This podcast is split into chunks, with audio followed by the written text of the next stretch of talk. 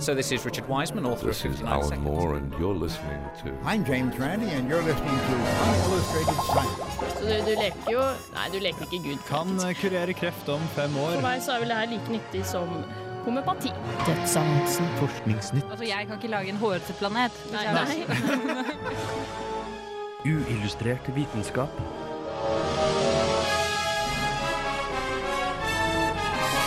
Science, it works, bitches. Partnervalg er igjen en het potet i uillustrert vitenskap. Men vi kommer også til å komme innom temaer som krøllete tær, uskarphet og snegler som snikpassasjerer. I'm rolling. I'm rolling. Money the cold. Radio Revolt. Og velkommen til uillustrert vitenskap på nok en begredelig torsdag i Trondheim. Men nå er den fin, nå som vi er her. Eh, og takk til, eh, til eh, Live for nok en håpløs intro av programmet vårt. Takk hjertelig. Jeg har ikke så mye testosteron i dag fordi jeg må kompensere for resten av redaksjonen. Stemmer ikke. Jeg står her med to barske, flotte menn ved navn Sunny Islam God dag. og Ole Eivind Sigrud Hallo, hallo. Også ja, meg selv, da. Jeanette Bø. Eh, som dere hørte i eh, introen, så skal det være, har vi ganske mye på tapetet eh, i dag. Og mer, mer av det. Ja, det gidder jeg ikke å fortelle om nå, egentlig. Vi kan bare høre det rett etter Pelbo med 'Join Their Game'.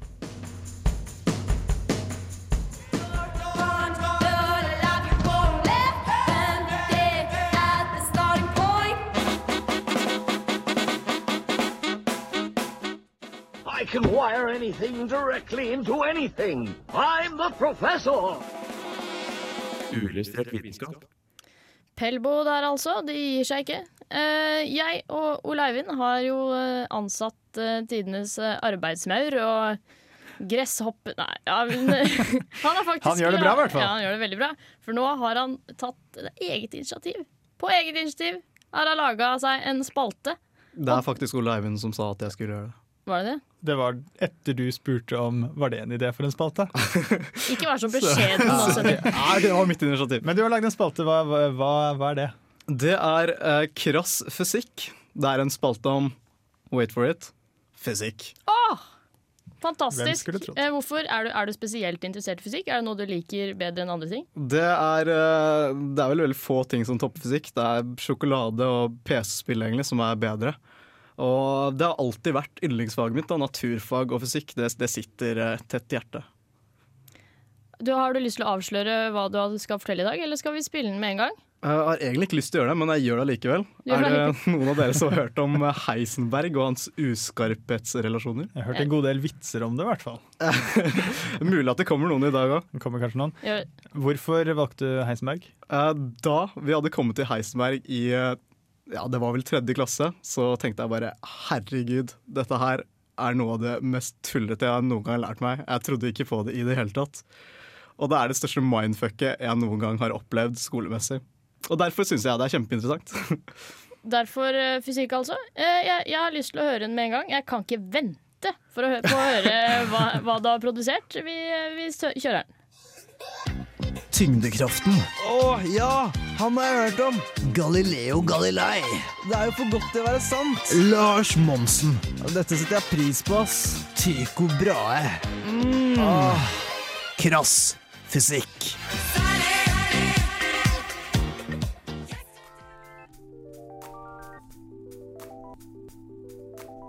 Lever vi i en mekanisk verden?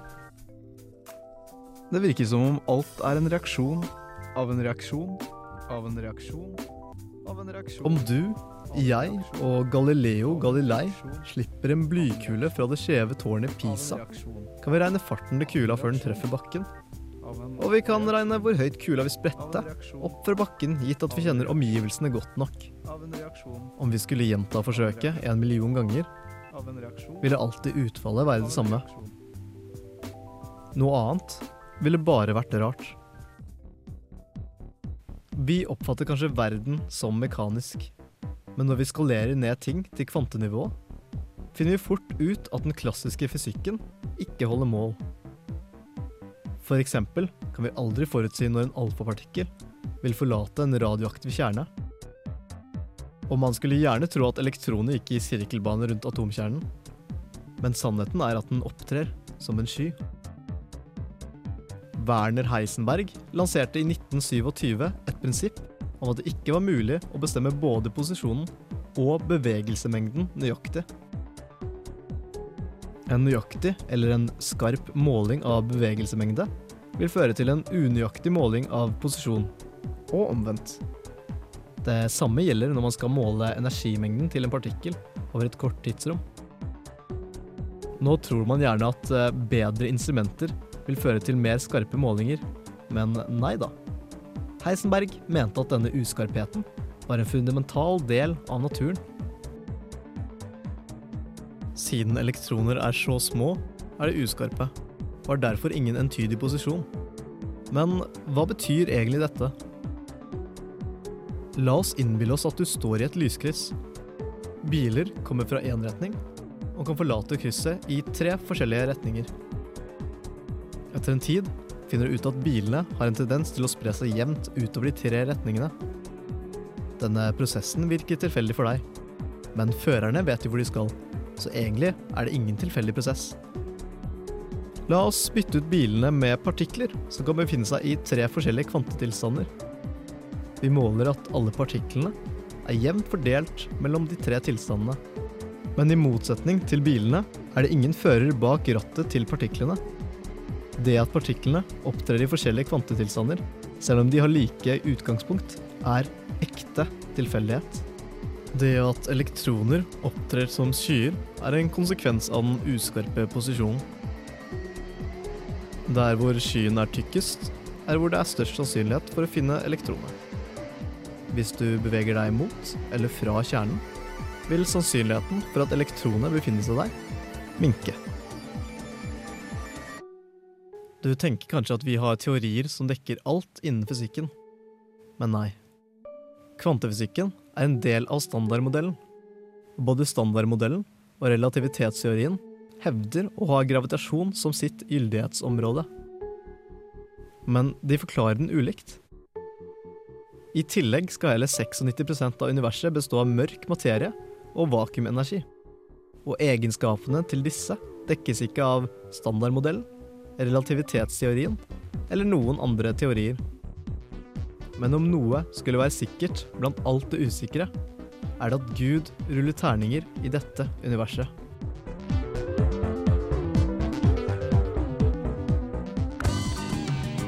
Yo. MF Doom. Mr. Fantastic. Mr. Fantastic. Villain. What up, nigga? Ja, det var eh, MF Doom med Raps Nidge Nidges featuring, eh, featuring Mr. Fantastic. Eh, apropos Mr. Fantastic, Sunny. fantastisk spalte der. Vi hørte akkurat din lille prat om Heisenberg. Og jeg mener jeg har hørt noe om emnet før. Eh, jeg og Ole Eivind var på en forelesning med en, en person jeg ikke er enig med i det hele tatt eh, på mange områder. Men Ivar Giæver vant nobelprisen eh, i fysikk for elektrontunnelering. Og har det noe med det her å gjøre? Vet du hva, det har det faktisk å gjøre. Kanskje jeg skal bare forklare fenomenet først. sånn Ja, for jeg, vet- jeg vet ikke hva det er. Så du kan bare, bare kjør, kjør på. Jeg skal bruke eksempelet til Ivar Giæver. Eh, la oss late som om jeg er en tennisspiller, og jeg skyter en tennisball gjentatte ganger mot en vegg. Og etter én million ganger så treffer tennisballen veggen, og så dukker den opp på magisk vis på den andre siden. Dette virker jo umulig for oss, Ja. men eh, når vi går ned til kvantenivå, og eh, la oss bytte ut ballen med en elektron, og veggen med et eh, filter, så er det faktisk mulig for elektronet å passere det filteret her. Eh, grunnet at eh, ja, bevegelsemengden er skarp, og da vil posisjonen være uskarp. Og det, det gjør det da mulig for elektronet og hans superposisjon eh, på den andre siden av veggen, og kan da eksistere der. Det er sånn kaffe, kaffelaging av eh, elektroner. Men det her, det her høres ut som eh, Det er jo teleportering, hvis du bare kan være på et annet sted. Nei, det, det blir ikke det samme i det hele tatt. Jo. Det, nei, nei. Det kalles delokalitet eller ikke-lokalitet. Vi har det samme Ikke-lokalitet. Ikke-lokalitet. Ja, vanskelig. Ja. Ja, vi har det samme fenomenet i sammenfiltrede fotoner, hvor eh, to partikler utveksler, eh, informasjon. Men i standardmodellen så er det jo kraftpartikler som utveksler eh, informasjon. Og hvis de kan utveksle informasjon på null komma niks, så vil de bevege seg fortere enn lyset. Men det går jo ikke an. Eller Ja, jeg skjønner. Men eh, kan, du, kan du skyte elektroner gjennom sånne store ting? Eh, sånn, eh, kan, kan, liksom, kan, kan det gå gjennom vegger eller gjennom jorda? Kanskje jeg kan skyte noen med et elektron på andre siden? Det er ikke så veldig farlig å bli truffet av et elektron. Da. Ja, ja, men Det er morsomt da, å bare vite at du har skutt en person i Kina med et elektron. Nei, jeg tror at uh, sannsynligheten for at et elektron skal kunne gjennombore hele jorda, det vil være liten. Men det jeg har tenkt på, er om det er mulig for meg å hvis hele sønnen Islam da, som sammensatt system løper mot en vegg gjentatte ganger, er det mulig for meg å passere veggen? Og da svarte Erlend Tvetna, som er en fysiker og tidligere programleder i Uillustrert vitenskap, og han svarte ja, det går an, men det er høyst usannsynlig. Jaså? Her kommer jo disse sånn eh, makroverden inn og ødelegger litt med den fine mekanikken. Ja, der. dessverre. Kjedelig. Du, du lovte meg en vits, Sonny. Ja, den er sykt bra. Ja. Den, er, den er så bra. Bare prepare yourself, motherfuckers. Uh, jo, hvorfor hater Heisenberg å kjøre biler? Jeg veit ikke. Gjør det ikke det? Nei, ikke. jeg. Det er fordi at hver gang han er- ser på speedometeret, så kjører han seg vill.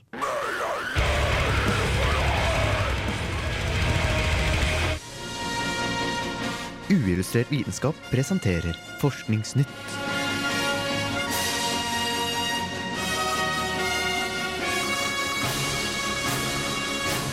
Forskningsnytt.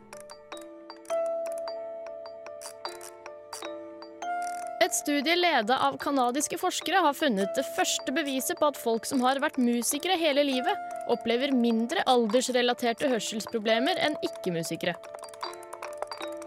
Hørselsstudier har allerede vist at trente musikere har høyere utviklede hørselsevner enn ikke-musikere. Men dette er det første studiet som utforsker hørselsevnene til musikere og ikke-musikere på mennesker fra 18 til 91 år. Hørselsproblemer er utbredt hos eldre, som ofte forteller at de har problemer med å forstå tale sammen med bakgrunnsstøy. Forskere omtaler dette som cocktailparty-problemet.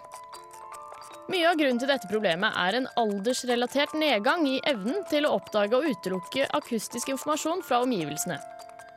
Det forskerne fant, var at det å være musiker kan bidra til å bedre hørselen i høy alder, ved å utsette noen av de aldersrelaterte endringene i hørselen. I studiet ble en musiker definert som en person som startet med et musikkinstrument innen han eller hun var 16, og hadde minst seks års musikkerfaring. En ikke-musiker var en person som enkelt nok ikke spilte noe instrument.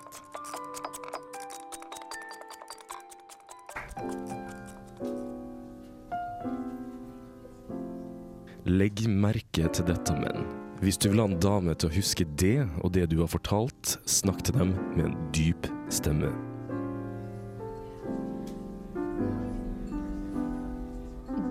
Avhengig av hva de husker om deg, kan de kanskje anse deg som en potensiell partner. Dette er ifølge et studie av David Smith og hans kolleger ved universitetet i Aberdeen i Storbritannia.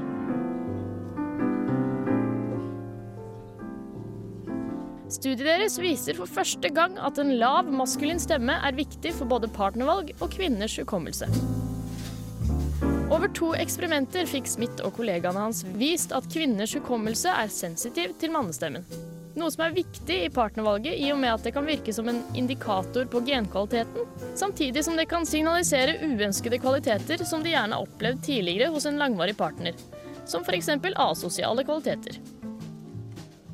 Smith konkluderer med at funnene deres viser at kvinners hukommelse blir bedre når de er blitt snakket til av en mann med dyp stemme.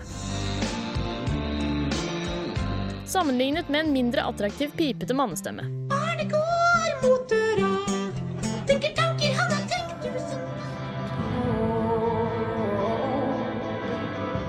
Kvinner kan føle seg trygge selv etter å ha fått barn med tidenes rundbrenner. Et nytt studie viser nemlig at barnepass får mannen til å produsere mindre testosteron, noe som kan gjøre selv den mest ubrukelige mann til en kjærlig familiefar. Eller Skårekale blir tøsedrenge, som artikkelen i forskning.dk så fint skriver. Utagerende machomenn er berykta for å være utro mot konene sine og ikke passe ordentlig på barna sine. Men dette nye amerikanske studiet, som nylig ble publisert i det vitenskapelige tidsskriftet PNAS, stiller nå spørsmålstegn ved denne fordommen. Lektor i antropologi Christopher Kusawa fra Northwestern University i USA sier at studiet viser at farsrollen senker mannens testosteronnivå, slik at mannen får mer lyst til å bli hjemme. Nedgangen i testosteron viser seg å være størst hos de mennene som hadde det høyeste testosteronnivået i utgangspunktet. Tidligere forskning har vist at fedre har lavere testosteronnivåer enn menn uten barn. Men studiet kunne ikke vise hvorvidt det var farsrollen som senket testosteronproduksjonen, eller om det var menn med lavt testosteronnivå som oftere fikk barn. Kvinner mener ofte at de alltid faller for bad guys, men dette er altså ikke et problem. Alt de trenger å gjøre, er å få barn med dem.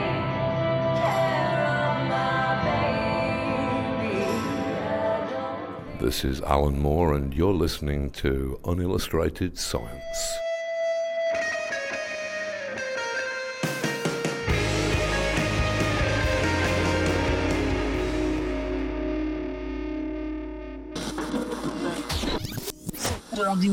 Yes, det var en dråpe med Silver Spoon. Og så før der hørte du meg selv, som presenterte noen utrolige forskningsnytt i dag. Eh, Det viser seg altså at eh, folk som, har, eh, som er musikere, da, som har vært musikere i, i, over lang tid, har bedre hørsel enn andre. Det var ganske overraskende. Ja, jeg syns, syns det var veldig rart. Men det viser seg at det er jo, de er flinkere til å kunne skille bakgrunnsstøy fra tale, da. Så de, de er bare bedre til å konsentrere seg, eller, luke, sortere lyden de hører, på et vis. Så det kan, jeg, kan kanskje, jeg kan kanskje gå med på det, altså. Men eh, hvordan testet de hvor gode de var til Ja, de tok en eh, haug med musikere og ikke-musikere inn i lydisolerte rom, sånn som det studioet her. Eh, satte på de noe headset, og så spilte de sånn sammenhengende lyder. Kontinuerlige lyder. Og så stoppa de opp litt sånn innimellom. Og så sjekka de om de merka det eller ikke. Det var sånn de testa det. Jeg vet ikke hvordan du Jeg vet ikke hvor mye du kan få ut. Du får ut, utrolig mye ut av en sånn liten test, altså. Så har jo også forskere funnet ut at eh, dype stemmer er tiltrengte for eh, kvinner. Da lurer jeg på, forsket de egentlig på hva som er Alan Rickmans hemmelighet? Stemmer. Det var egentlig det var der, der de starta. Utrolig populær. Er Snape, det, altså. Ja. Så hvis du er litt sånn forvirret over hvorfor du er så tiltrukket til Alan Rickman, så er svaret stemmen. Det er stemmen. Det er ikke det sleske håret. Eh, Og så apropos uh, Alan Rickman, så er det jo et kjent gjengangstema i romantiske komedier at uh, kvinner de sliter med å drive og forvandre mm, disse rundbrennerne sine. ja, Og det eh, viser seg at det var en enkel løsning, og det var bare å bli gravid. ja, det er oppskriften. Oppskriften er å få barn med håpløse mannen med mørk stemme. Men hver gang vi har barn hjemme, så forteller instinktet mitt at nei, Sunny, nå må du dra ut til venner og spille PC-spill og høre på rockemusikk. Ja. Men det er ikke ditt barn, da. Ja. Hva, hva, hva? Ja vel. Mm. Kjempebra. Men eh, jo, eh, jeg, jeg må jo si at jeg selv også er Jeg syns kanskje mørke, mørke stemmer er veldig sjarmerende. Sånn som på radio. Jeg kan høre, ofte så hører jeg på P3 og, og tenker åh, hvem er han der sjarmerende eh, Hva heter han da? Ronny? Nei, det er Rune Haakonsen. Å, det er Rune Haakonsen. ja, det, ja, hvem er han sjarmerende Rune Haakonsen? Og så ser han, og så er han kjempehyggelig og søt allikevel. Så det stemmer. Alt er bare bra. Så jeg er jo ikke en slask. Så nå ødela du hele poenget mitt. Du holdt på å få meg til å si at Rune Haakonsen er stygg og fæl og slem. Ja, men jo. Eh, de, for å finne ut da om eh, hvordan disse Hvorfor dype mannestemmer er så flott, eller for å, hvordan de fant ut om det faktisk var sånn, så tok de 45 kvinner, putta det inn i et rom, som man gjør når man tar tester, og så viste de bilder av ting, sånn mikrofon. Og så var det en mann, eller en, en sånn falsk mann, de hadde laga noe som kunne være en sånn syntetisk mannestemme, som sa 'mikrofon'. Og så var det en dårlig damestemme. 'Mikrofon!' Og så skulle de si hvilken stemme de likte best. Noe som er et veldig lett svar for alle damer. At du vil jo høre 'mikrofon'. Mikrofon! Ja. Så det var sånn de testa det. Enkelt og greit. Men det var ganske mange tester de gjorde, da. Eller altså mange, mange, De tok en til med 46 helt nye damer med ekte stemmer, og alle likte menn best. Og de huska det de hadde sett, og alt var bra. Fascinerende, og det må vi jo ta videre på stemmebrukskurset her i radioen. Ja, stemmebrukskurs. Eh, det, det, eller, du er født med den stemmen, da. så du er bare uheldig hvis du har sånn dårlig pipestemme. Fake, da. Eh, Ole Eivind skal eh, pipe videre om snegler, faktisk. Eh, Det blir spennende. Men eh, først så skal vi høre Sungrazer med Wild Goose. Maybe I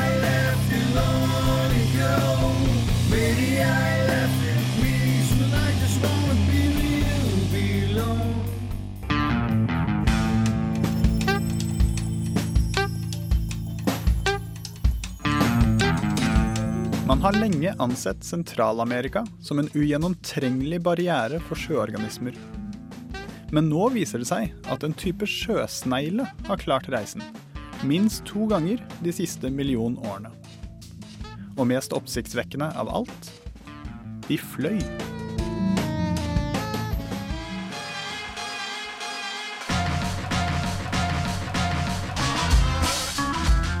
Forskere ved Smithsonian Tropical Research Institute i Panama har lenge interessert seg for hvordan hevelsen av Sentral-Amerika for mer enn tre millioner år siden har påvirket artsdannelsen og økt biomangfoldet.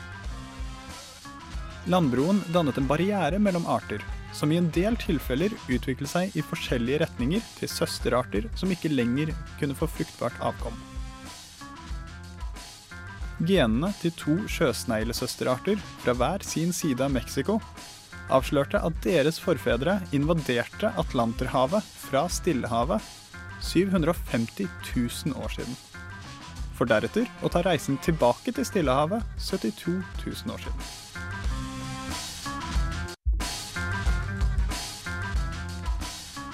Og måten de gjorde dette på? De haiket. Ved å klamre seg fast til vadefugler som ofte tar turen fra den ene kysten til den andre. Ikke bare er det kult, men kanskje også gunstig. Forskerne mener at invasjonene kunne gagne den innfødte søsterpopulasjonen, da det kunne innføre nye gener som gjorde dem mer motstandsdyktige mot kastrerende parasitter.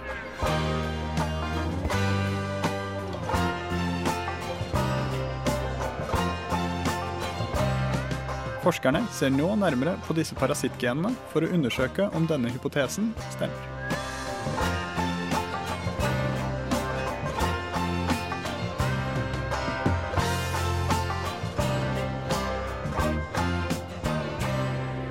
Uillustrert vitenskap. Radio Revolt. This is Charles L. Bennett from Johns Hopkins University. Science, it works, bitches. Ja, det var uh, Ole Eivind med, med snegler. Det, var, det, det jeg liker best, da, er at du har kalt den lille snuten her for Snails on the Plane. uh, det var bra. bra. Eh, det er helt vanlig, vanlig det flyvende snegler. Ja, Det er faktisk ikke så nytt som Jeg, jeg hadde jo aldri hørt om dette, men det var faktisk uh, god gamle Chucky D, Charles Darwin, som uh, Hva kalte du den? Chucky? Chucky D, nei. Heter han det? Charles Darwin, nei. Nei, ja. Eh, jo, i hvert fall det var eh, faktisk eh, allerede ved Charles Darwin-tid, og da faktisk Charles Darwin, som foreslo at snegler, landsnegler, da, eh, kunne reise lange distanser ved hjelp av fugl. Eh, Men det gjaldt bare landsnegler, og man har lenge antatt at snegler eh, via fugl kom fra Europa til Tristan da, Tristan da Cunha, eh, som det er i Sør-Atlanteren, og tilbake igjen. Eh, Det har man lenge antatt, men dette var da landsnegler. Og dette var første gang det gjaldt sjøorganismer. Ja, Og man regner jo også med at eh, andre sjøorganismer, som tidevannsorganismer, kan eh, fraktes med fugl. Men, men hvorfor, hvorfor tror de at det er blitt, fra, blitt frakta med fugl? Kan, hvorfor har de ikke spasert, eller blitt tatt med noe annet? Nei, man har jo sett på eh, Sentral-Amerika som en sånn barriere da, for sjøorganismer, fordi um, det er på en måte ingen Det er ikke noen elver osv. som de kunne ha reist med. Men så i tillegg så er det jo disse vadefuglene som uh, tar bestemte ruter. Og det er da spesielt én av disse rutene så det er, som, der de flyr over et sted som er veldig flatt, og det er veldig smalt, så det er en kort reise. Og så er det veldig ideelt sånn tidevannsområde på begge sider av, eh, av fastlandet. Og da tenker de at eh, der kunne de ha dratt over. Så det er mest sannsynlig.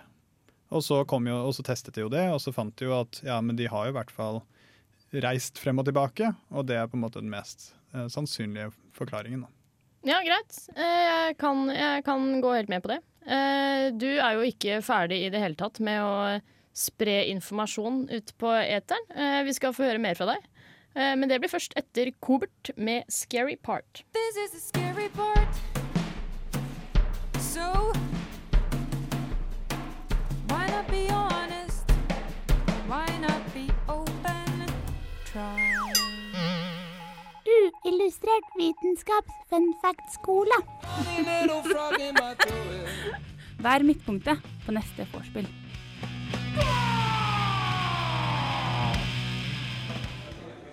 Visste du at årsaken til at fingre og tær blir rynkete når de blir våte, er at de gir bedre grep?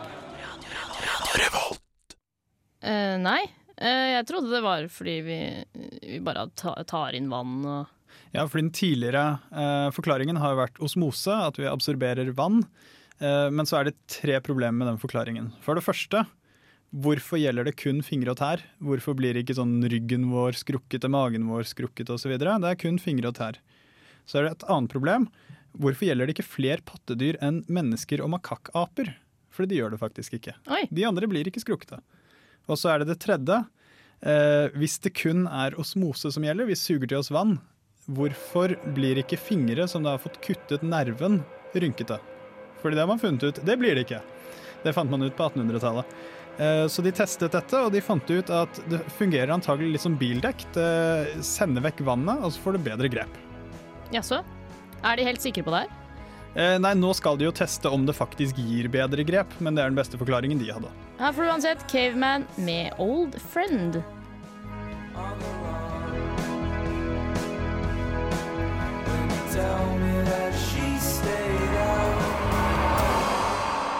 Caveman der altså, med Old Friend. Eh, gamle, gamle venner. Vi går mot slutten.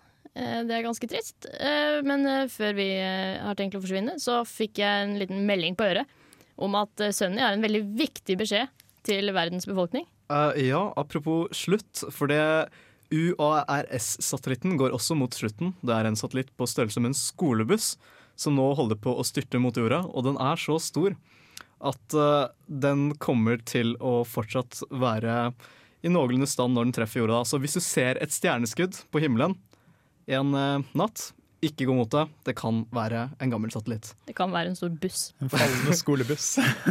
Ja, eh, kjekt, kjekt tips, det. Eh, Etter oss i dag så kommer jo som alltid Filmofil. Eh, Og så vidt jeg ser, så skal de i hvert fall ta opp Jegerne. Jegerne. Så har vi hørt rykter om at de skal snakke om litt sånn gangsterfilmgreier, men eh, det er ubekreftet. Det blir, det blir, Dårlig fisk. Det blir ganske spennende. Eh, ja, der hører jeg at vi faktisk begynner å gå kjempetom for tid. Men eh, før vi runder av med Wolves in the Throne Room med Woodland Cathedral, så må jeg jo få takke for i dag. Eh, takk til eh, Ole Eivind Sigrud Jo, ha det godt. og til Sønn Islam. Jo, tusen takk til deg òg. Vær så god. Eh, og så eh, teknikeren i dag. Det har vært de godeste. De godeste Tor og Rune. Takk for oss.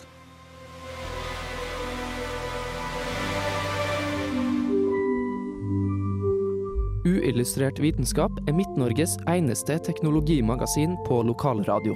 Og vi snakker om alt fra populærvitenskap til sære forskningsprosjekt ved NTNU. Radio Revolt, studentradioen i Trondheim, er stolt av å kunne presentere podkaster fra de aller mest populære programmene våre. Hvis du har lyst til å høre mer fra Radio Revolt, hvem vi er og hva slags musikk vi spiller, så kan du høre oss på FM-båndet i Trondheimsregionen, eller streame sendingene våre live på radiorevolt.no.